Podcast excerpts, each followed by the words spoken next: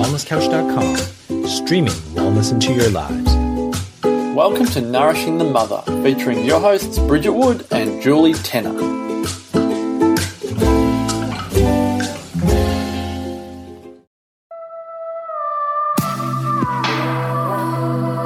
When it comes to our sexuality, we want to look at the beliefs and the meanings that we've picked up as much as the ones that we've made up about our experiences. In our Loathing to Loving program, we look at relationships to our family, partner, children, and feminine self, and spend a module in Nourish and Nurture, deeply expanding that feminine wisdom.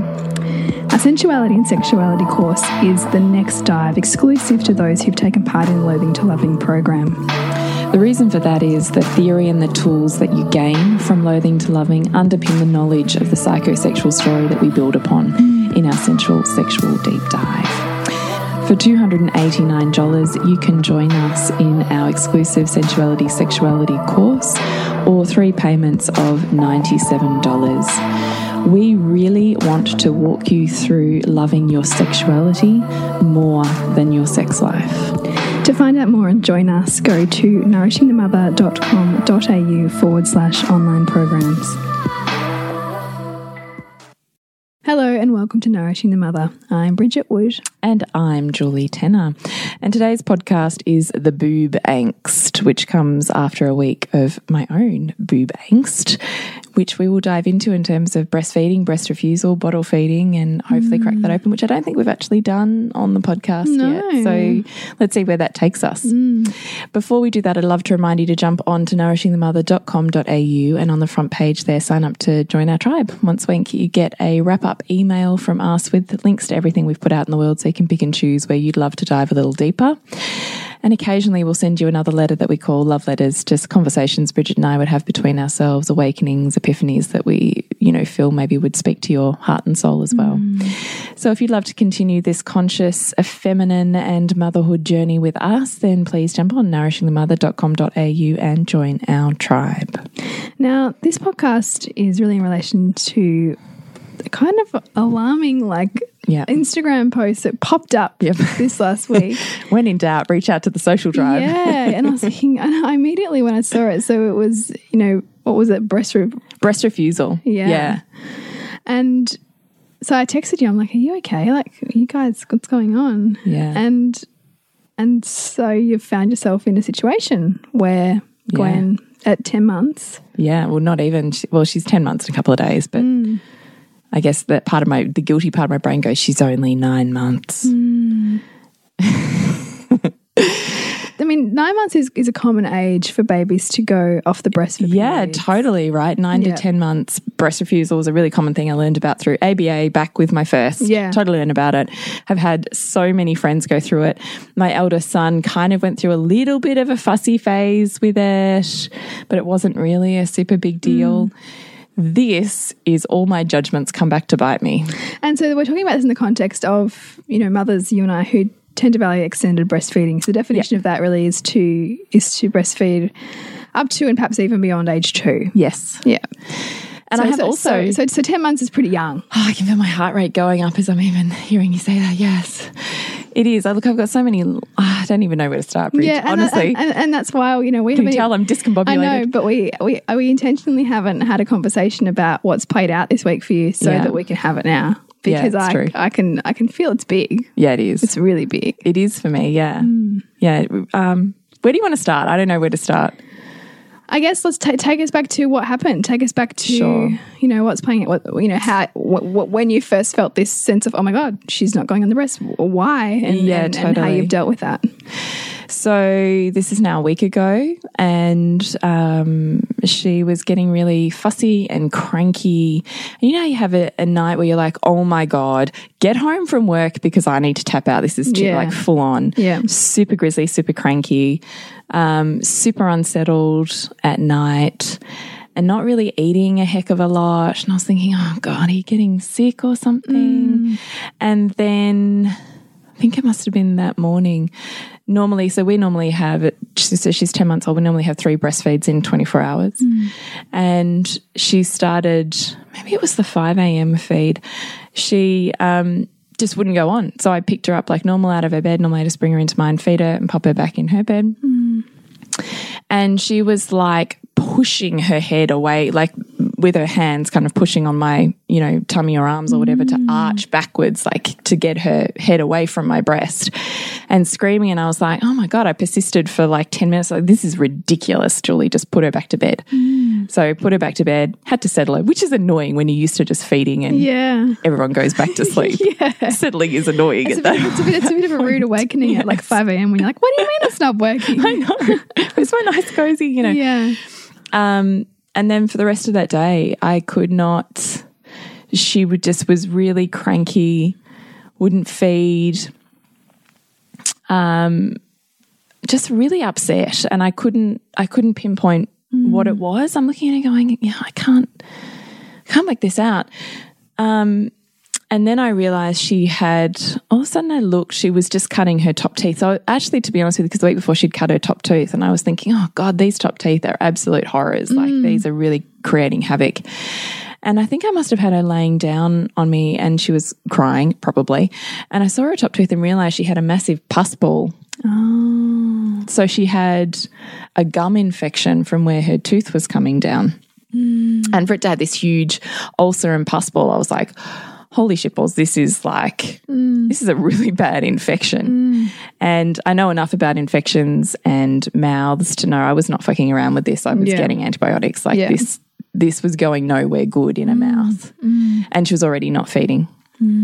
So I took her to the doctors, got the antibiotics that I knew I was going in for, which tears me up anyway because I have, you know, a charge on antibiotics and hmm. going down the path and Nurofen. My friends were laughing at me because one of my friends was going through a really hard time. So we we're meeting at, at her house and I said, Look, I'm coming. I've just got to go get my drugs and then I'll come over. So when I toddle with my baby and my bag of drugs and I'm pulling them apart and I'm going, What the fuck do you do with this? I couldn't even work out how to get the Nurofen stick in the Yeah, Nurofen thing. It's like, and it's got this new fandangle thing where you like tip it upside down. I was like, I don't even know how to do this. So it was like the the comical Yeah. joke of, I'm going, how do you even get it into their mouths? I'm like, you squirt it and you blow because then they like go like this and they inhale it. Dead set, that's true. That's like an amazing mum hack. Yeah, yeah, yeah. I wouldn't have known either. I'd be like, what do you do here? Yeah. but yeah. lay them on their backs, pop it in, and blow on their face, and they Oh. kind of swallow it because they're in like a kind of gulping reflex. Oh, right. Anyway, Hot tip. hot tip. It worked really well. Yeah. Um, So I assumed when the ulcer started to heal and the pain meds kicked in. Mm. That she would naturally want to go back onto the breast because mm. it's comfort and it's healing and it's soothing and it's something she's always done. Mm. But that is not what happened. so and, and, and how's your body feeling at the moment? How are your breasts feeling? Because I imagine, were you having to express? yeah, I was having to express. Yeah. Yeah. Yeah. Um, and I, I'm feeling tender, like just emotionally tender. And I think it probably plugs into old feelings of rejection that probably sit there as well, and um, like an anxiety because I couldn't, I couldn't fix it. Yeah, you and you know? couldn't soothe in a way that was Yeah. that you naturally would. Totally. Um, so I kept trying. I kept persisting. I kept offering the breast way more than three times a day, like mm. just You were like, offering, offering, offering. yeah. And she would just scream and arch her back and push away from mm. me. I tried sitting up. I tried lying down. I tried like every imaginable in case it was when she put her head down, her head was hurting or whatever. Mm. I tried every imaginable position. Nothing worked. I tried complete nudie time, baths together, showers together, like you name it. You did every trick in the book. I tried it. And still, she screamed at my breast. Oh my god. At one point, she slapped it and laughed at me. Oh really? oh my god, this is awful. And I was like, oh. I was so hit by all of the judgments because I remember even uh, quite a dear friend of mine several years ago with her youngest. Um, I can't remember what had happened with him.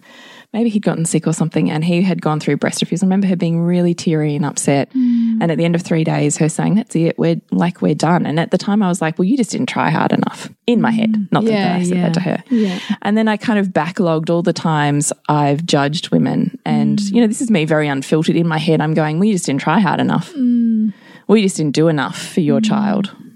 Because this is my dogmatic Yeah. headspace. Yeah. Right. Yeah.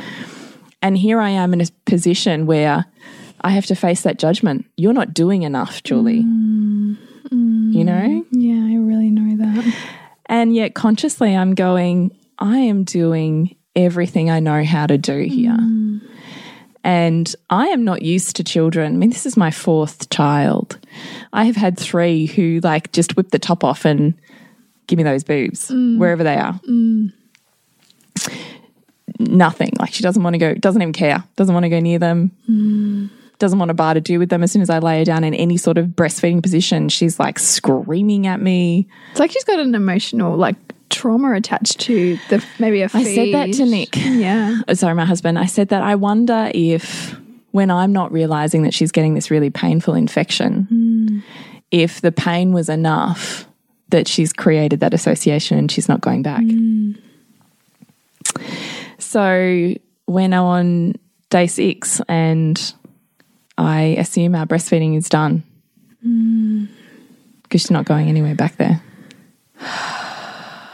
And I really feel that because it's so not a way that you would No. And I feel like it, you know, that carpet's been ripped out from underneath mm. me. Mm. And this is my last. Mm. Like there's, but I keep, like, I, I keep thinking there's, there's so much in this that I just don't know what it is yet. You know, mm.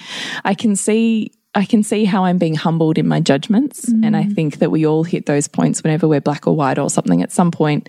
What's the saying you always say? Whatever Yeah, you whatever you judge, you'll breed, attract, or become. Right. Yeah. And I can see how I've done every part of this. And it's no nuance that her birth was where I faced um, medical intervention. You know, worked my way through it, but I still faced that with her birth. Hmm. And here I am facing formula hmm. with her and my breastfeeding journey. Like I think there's there's a nuance there that's not by accident. Hmm. And facing this is it, right? This is my last thing that's left. I've faced my natural birth dogma. I've faced my health dogma. You know, so mm. much of who I thought I was pre kids has been, or during even those journeys, has been stripped away and broken by each of my children and mm. remade. And this is the thing that's left, right? Because I've always breastfed easily and consciously and for an extended amount of time. Mm. Like it had to be this, right? Yeah. Yeah. Because what else was What there? else was there? Because you already you already broke through so much of the sleep stuff. Yes, right. Yeah, that too. like so much. Yeah.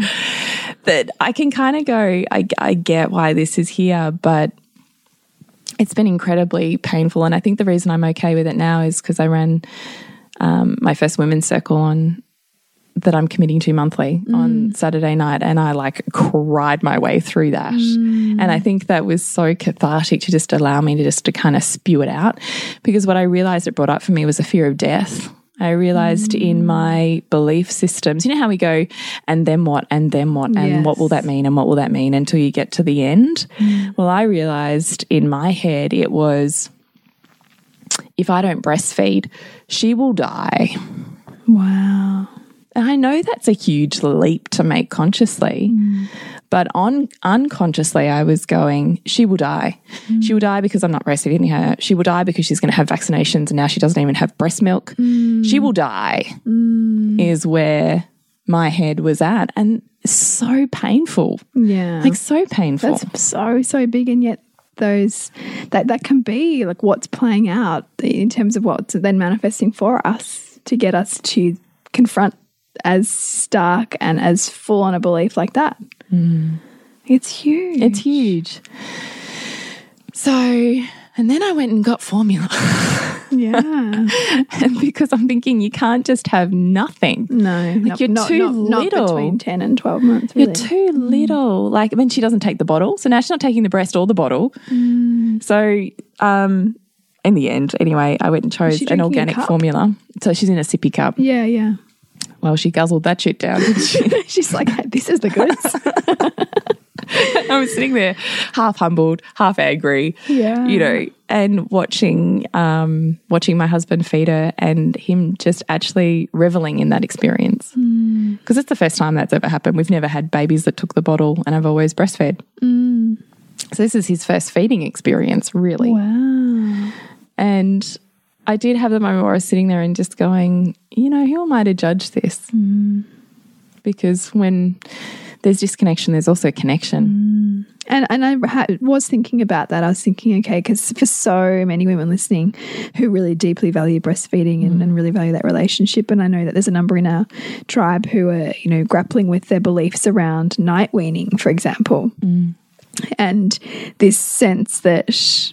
That their babies need it and it's soothing for them and mm. that, that you know to to stop feeding overnight would be to take something away that they need and and in that case and also in this case i think yeah but where's the connection going to go now? Mm. Because it's not lost it's just moving. Mm. And so no doubt you will begin to find other ways in which you and gwen will be deeply connected like you were breastfeeding I'm not there yet. I'm still in the rawness Yeah. I'm like it's still it still feels really emotional for me and my boobs are still doing crazy stuff and ironically I happened to go well uh, buy a whole set of new breastfeeding Feeding bras, last bras. Week. Yeah, it's ironic, isn't it? Yeah. Week before actually, the week before this all happened. I just thought yeah so now I have these beautiful lacy breastfeeding bras and these mm. boobs that are exploding out of them because I've still got to work out. My body's still got to work out. It's not feeding. Mm, mm. And emotionally, I've got to process that she's not. i think it's that abruptness of it isn't it And it's because it was not, and here's another layer, right? It, it mm. wasn't under my control. Mm. I didn't get to control that relationship. But isn't it interesting though? I mean, Gwen wasn't under your control. She made her own way here. yeah, it's totally true. You know, how is this? It, it's this ne- next surprise, Yeah. right? Yeah, she is. She is. The next way that she teaches you. I've always thought that she's this little smiling Buddha who just chucks some shit up in the air and waits for me to get it, you know, mm. Mm. waits for me to get the good stuff. Anyway, so that's that's been my week. It's been really intense. My boobs have been sore. My heart's been tender. Mm. Um, my preconceptions and my beliefs have been challenged and shattered. Mm. How is that? Are you at the point yet where that's broken you open to more, more love for other women, or more, more compassion for Yeah. those that you've judged? Oh, totally. Was I looked at my friend who I had coffee, I've had coffee with a few times, and she came to my circle, and um, you know, I was saying, oh, "This is how I'm feeling," and I was looking at her, and I'm thinking, "You totally get it." And I did not get you back then. And, you know, part of my heart kind of aches for that because I remember her crying in my arms about the loss of this relationship. And I was thinking, yeah, but you could have this be different if you wanted to. Yeah, Ouch. eh? yeah. And here I am. So, yeah. Well, and the other thing is now, because I used to love the 5 a.m. feed because she used to sleep through.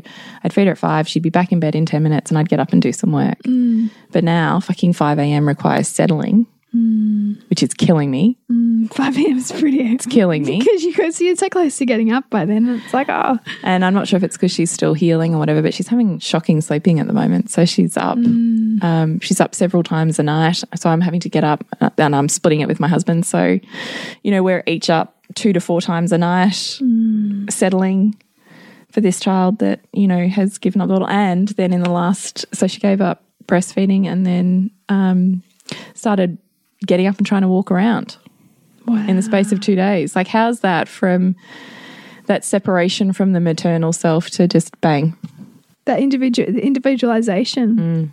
That's big. It is, isn't it? I think each of my kids, as much as I don't want to say it consciously, have taken big developmental leaps when I've ceased the breastfeeding relationship. And there's just something, I don't know. I want to say spiritual in that, but it's it's I don't know this kind of feeling of Well, it's, it's a next. You know, I think about if you think about the umbilical cord as the first cutting of, you know, first initiation into, into some level of independence or any kind of separation that that creates greater distance between them and their mother. You know, Mm. almost says like, "Here's your next way in the world," Mm. right? So it's a natural step. But it's so. I imagine it's so stark to see that. you know, Oh, she's too young. Yeah. Too young. Like, and I'm still working through my beliefs that, particularly my health beliefs, that um, she won't be stuffed for life, which was actually really fabulous being in circle with the um, sort of my mainstream mum friends who, you know, are getting more and more hippie the more time they spend with me, which is just marvelous. And I'm standing there going, you know, and I'm pretty sure she's going to die, you know, like this. and they all looked and they all smiled and nodded. And then afterwards they all went, yeah, but my child's not dead and she's doing really well. And, you know, da, da, da. and I was like, I know. I'm so grateful to hear those stories because it's just a belief. Mm, mm. In the end, that's all it is. It's that I've chosen a dogma and it's in my head. Yeah. And I'm being asked to peel another layer of that. Mm. So here's my baby who has ended my breastfeeding career very unceremoniously, not gently at all. Hmm. And I'm scrambling to catch up. Hmm. And she's still waking up at night, which is like the double whammy, isn't it? So I'm tired and I'm tender. Yeah. Tired and tender. yeah. I am. And that and it's such an example of the tumultuousness, I think, too, of the first year of a baby's life as well, and and, and however that plays out. You know, whether it is breastfeeding, whether it is other kinds of challenges with, like you know, some women have you know, babies who have colic, you know, or other perhaps health issues or mm. sleep issues, and like in every which way they take you to your edges. Mm. You know, that whatever edges that you're being called to break through, whether you're conscious of those or not Totally. because Gwen's quite a unique soul in that she's taking you to some some amazing places, dark places, but that have also shown you enormous light. Oh, look, absolutely. And that's why you and I have such reverence for the mother child relationship, mm. also. And because it makes me more whole. Mm. The more I can love, the less I hate, the more whole I am. Mm. You know, and judgment is just a form of separation. So I realize that the more I face my own judgments, as painful as it is, um, the more I'm able to love more of, well, more, I think it probably begins with more of them, more of me, and therefore more of the people that are around me. You know, that's a deeply connected place to be. I think when you can sit in that space in between the the black and the whiteness that of our dogmas that you know of the dogmas the dogmas that we hold, then you have that ability to have such greater appreciation for everyone because you're not sitting in that judgment, sitting in that place of some right way. It's like on breastfeeding, I remember like you know same thing, like you know really having that that same view of of course like why wouldn't you breastfeed? It's crazy not to breastfeed. Of course mm. you do. Um, and someone saying to me who also had really high values on health was saying it's like what why is it so good to breastfeed? Like, you know some of the most independent people were formula fed. Like Richard Branson was formula fed. Mm. Like there, there's something about it's the very thing that you say is disconnecting or wrong can actually be galvanizing to an individual. Mm. So who are we to judge it I love those stories, Bridget, because I mm. actually adore having having my prejudices challenged. Mm. But when they come from your own kids, gee, it's an extra sting, Yeah. isn't it? yeah But I do love hearing those stories because it does, on some level, make me feel more contented of mm. feeling back into that path of I'm not off path, I'm still on path.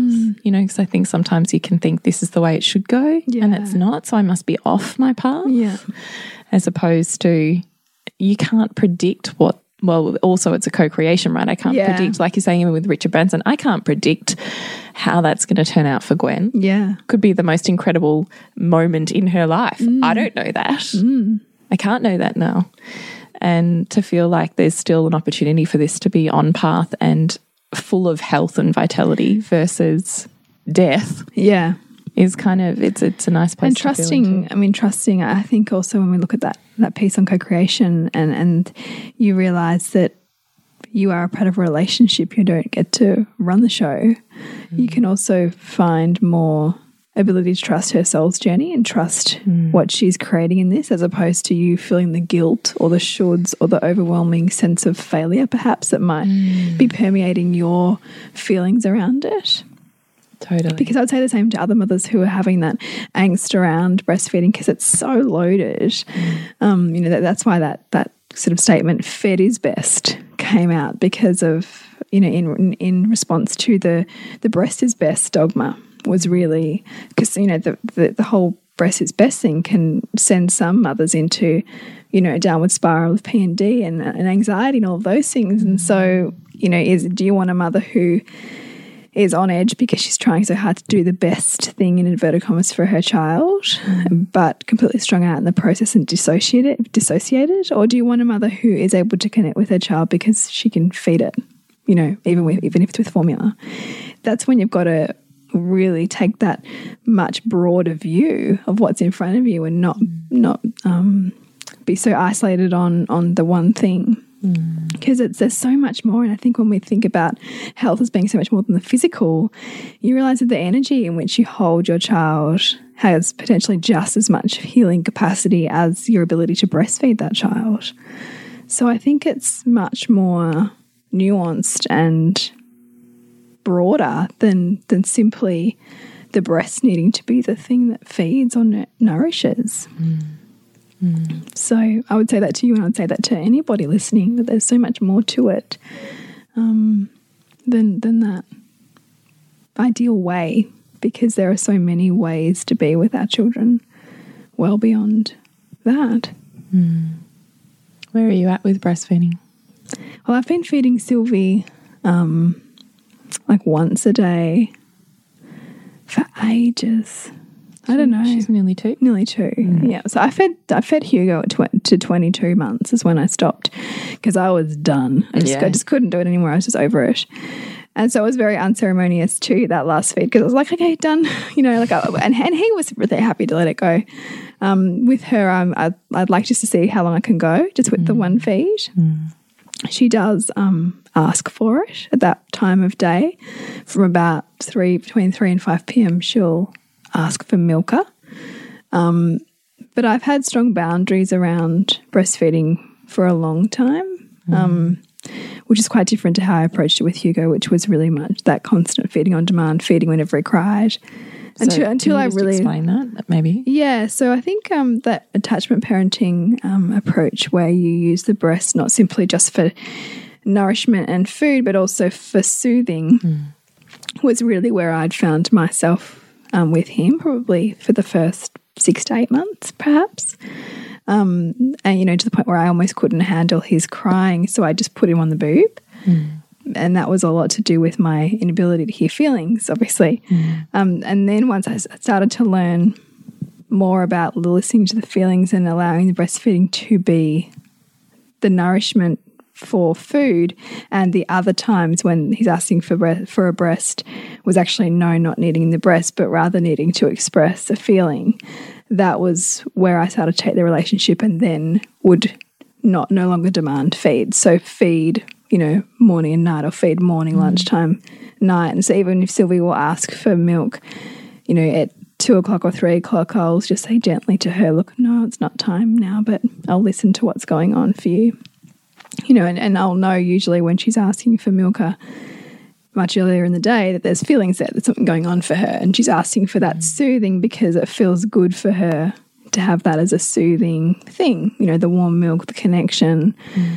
that perhaps the numbing of feelings or the dissociation towards feeling feelings because she can have milk instead, the sweetness of that. Um, and so then it's mm. okay, all right, well, instead of that, I'll listen to you come up here and let's have a cuddle or, you know, whatever that is.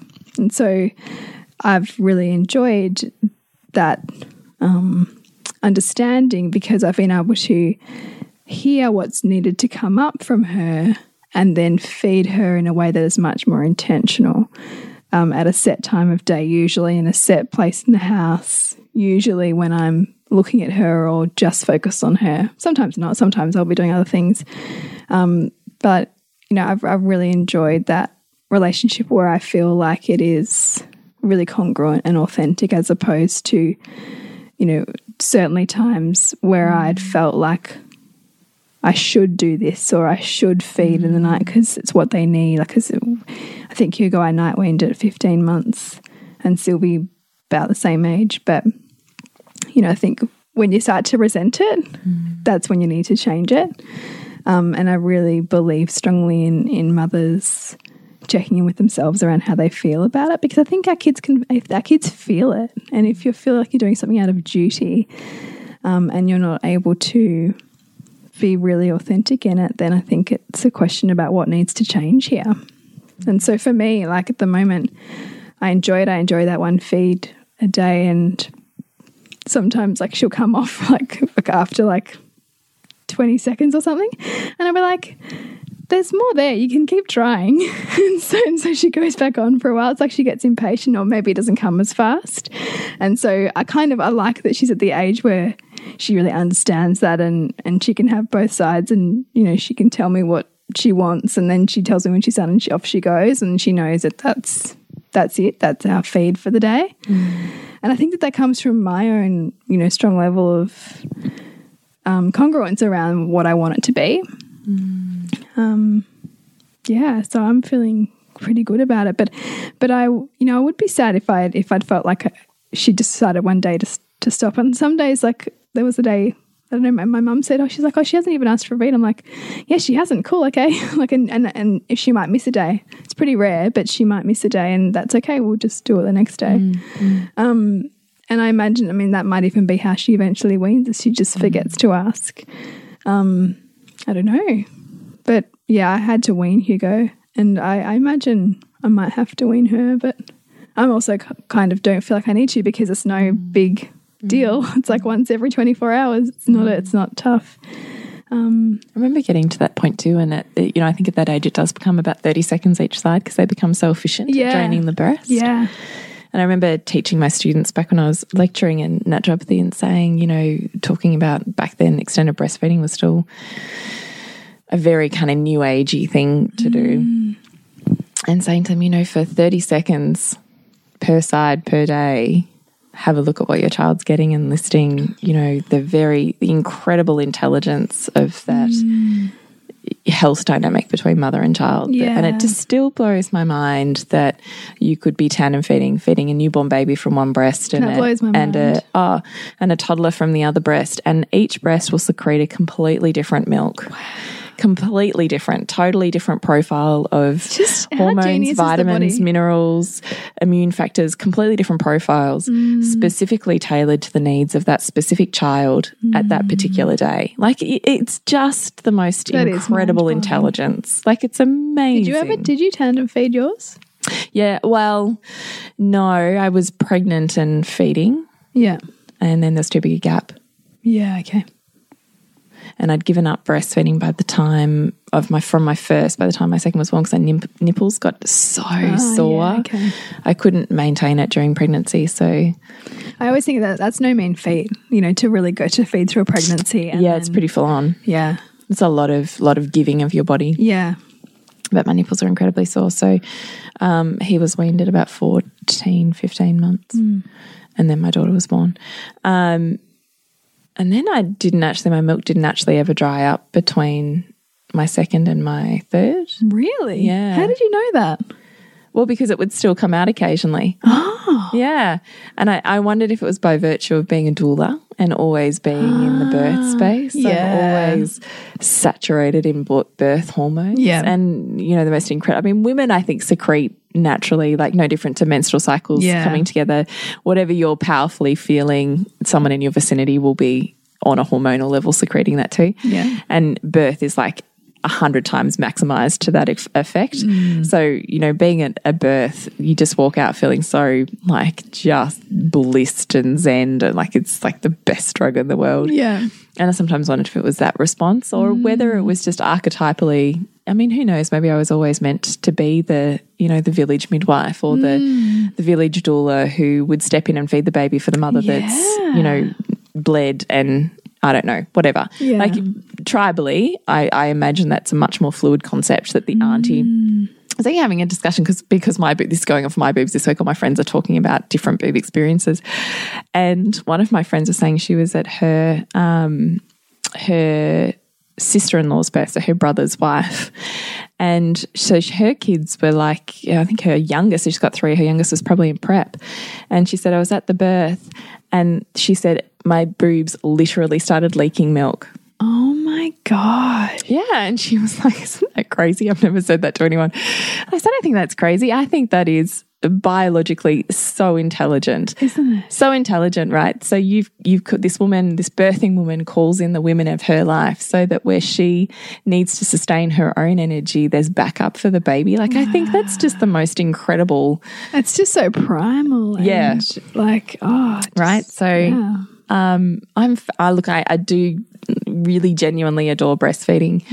Um, but I also think that's why this has been, and I totally, though, completely agree with breastfeeding. I don't think should be at the expense of a mother that is strung out, not present, not coping. Yeah. I don't think that's more healthy than, No. or more un, what am I saying here? Um, that that's So, so we're not talking breastfeeding at, all, at, at any cost. no, that you've got to think about the health, uh, uh, emotional and physical health of that that unit. Yeah. and I don't think I think if you were completely unpresent and strung out and emotionally, you know, disintegrating, but breastfeeding, I don't think that's more healthy than than just breastfeeding or bottle feeding. Like I just think I totally agree with what you were saying. But I, but I really share what, you, what your, your kind of you know reverence for it though too because I have total reverence for it. because I remember like I did I, I cared more about my ability to breastfeed than the kind of birth I had with Hugo. Like my uh, my, my thing was like I need to be able to breastfeed. What's the best birth to give me that ch that chance? Mm. You know, like this, and that was my reason first and foremost to have a natural birth was to in, have the best chance of initiating a strong breastfeeding relationship. Really? Yeah. Where did that come from? I don't know yet. I haven't. I don't really know. But I really had, had a. I think from a, from a health point of view, it was absolutely kind of not negotiable for me to to to not breastfeed. Like I had to breastfeed, um, and so I had to ensure that that worked. And because I knew that there could be challenges if you if there had if you had intervention on initiating that relationship, and so that was what I worked towards. You know, like I went to the ABA talk about how to breastfeed because I'd never seen it. Like I hadn't been a, a, like a raised around. That is a great talk. It is a great talk. Yeah. And I took my husband because Yeah. I needed him to be able to support me, Yeah. which is really important for women to do. I think if they don't, Mm. Totally. because that that partner support, if that falls down, that's the number one reason I think why women Mm. give up if they don't have that support. Um, so, I- said no, not discounting you know, being intentional about it, but also looking at that bigger picture around the mother's mental health, and mental and emotional well being. Completely. So, I don't know. How do you want to end this? The Boob Angst, I think, is, is a perfect title for the place you find yourself when you are taken on the journey that you've been taken on this last week. Mm. You know, and I think also it, it lends itself to the women in our tribe who are grappling with what they want their breastfeeding relationship to look like with their babies, hmm. and also perhaps other women who found themselves in that painful place of it being ripped away too soon as well, and perhaps any hmm. guilt or or uncomfortable feelings that they've got around it. And maybe this has given you a bit more clarity, you know, perhaps hearing Julie's story. Hmm. Well, even yours, I think, even just looking at the conscious questioning around what that brings up for you, and the guilt is still a lopsided perception. Yeah. And what, you know, and, and what are you, what are you giving them when you think if, if, if you think that you're taking something away or Mm. they've missed out on something, what do they gain? Because it's, all- they've all, uh, that is always conserved, those two things. It's Mm. just about looking for it. Totally. So, thank you so much for listening. We are incredibly grateful that you do tune in. Um, if you do have five secs, we'd love you to rate us on iTunes to help share our podcast, share any episodes that really speak to you with your tribe, and leave a review on Facebook. If you get a moment, that really is just a fantastic way to say thanks, Yeah. you know. I love it. Um, where else? We connect on Facebook and Instagram, so Nourishing the Mother and nourishingthemother.com.au, and connect with you, Bridget. It's suburbansandcastles.com. And I'm on thepleasurenutritionist.com. And don't forget to nourish the mother to rock the family. And we'll see you next week when we continue to peel back the layers on your mothering journey. Sorry, I'm still a bit discombobulated from my, my body and my boobs. So No, I hope think you can deal with my it's poor speech patterns today. and I promise I'll um, be back on track next time. see ya. Before we get started today, I'd love to introduce you to our new podcast sponsor, which is Fire Tonic. If you haven't heard of Fire Tonic before, it is a raw fermented apple cider vinegar that has a whole heap of other goodness in it, such as chilies, turmeric, garlic, horseradish, ginger, just to name a few. And it has this delicious, warming, spicy kind of aftertaste that just warms your stomach and your solar plexus and has you feeling amazing just by taking it. But aside from that, raw apple cider vinegar is immune boosting. It's antibacterial, antiviral. It will decongest whatever you are stuffed up in the head with. It's antioxidant and anti inflammatory.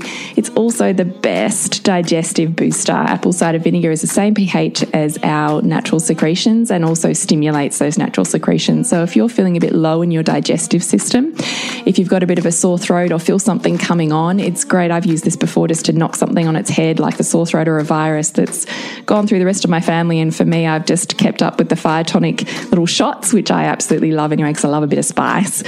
And it really does just knock it on its head. So it is locally made here in Torquay, Victoria, in small batches from a really ancient gypsy recipe. And we are absolutely mad for it. So if you also need a bit of a boost this winter that you can take that is delicious, digestive, and immune boosting, then please jump on to hillbilby, H I L B I L B Y dot com dot au and check them out. You can also use a special promo code for our tribe, which is Nourish, N O U R I S H. 10 in order to get 10% off your order just to give it a go. Bridget and I use it, it's on our counter all the time. So head on over to hillbilby.com.au forward slash discount forward slash nourish 10 to get your 10% off and start loving on some fire tonic. This year, the Wellness Summit returns. I realised in this time that I couldn't keep waiting for love from other people. I couldn't keep expecting love from other sources. So I had to give that to myself. Yanni says, I don't care if everyone says that the kitchen is the woman's world. He says, I'm going to prepare food. I love my own cheese. I love my own wine. I don't care what you think of my new flat screen TV. He just loves company. I started asking myself more often, what do I want? Such a simple question, isn't it? But when you think that, and I'm sure all of you sitting there, when you think that, something springs into your mind. And there's something there that you want that you haven't been doing for yourself. Brett Hill and Marcus Pierce feature at the 2018 Wellness Summit. Bigger and better than ever. Tickets on sale Friday, May 4 at thewellnesssummit.com.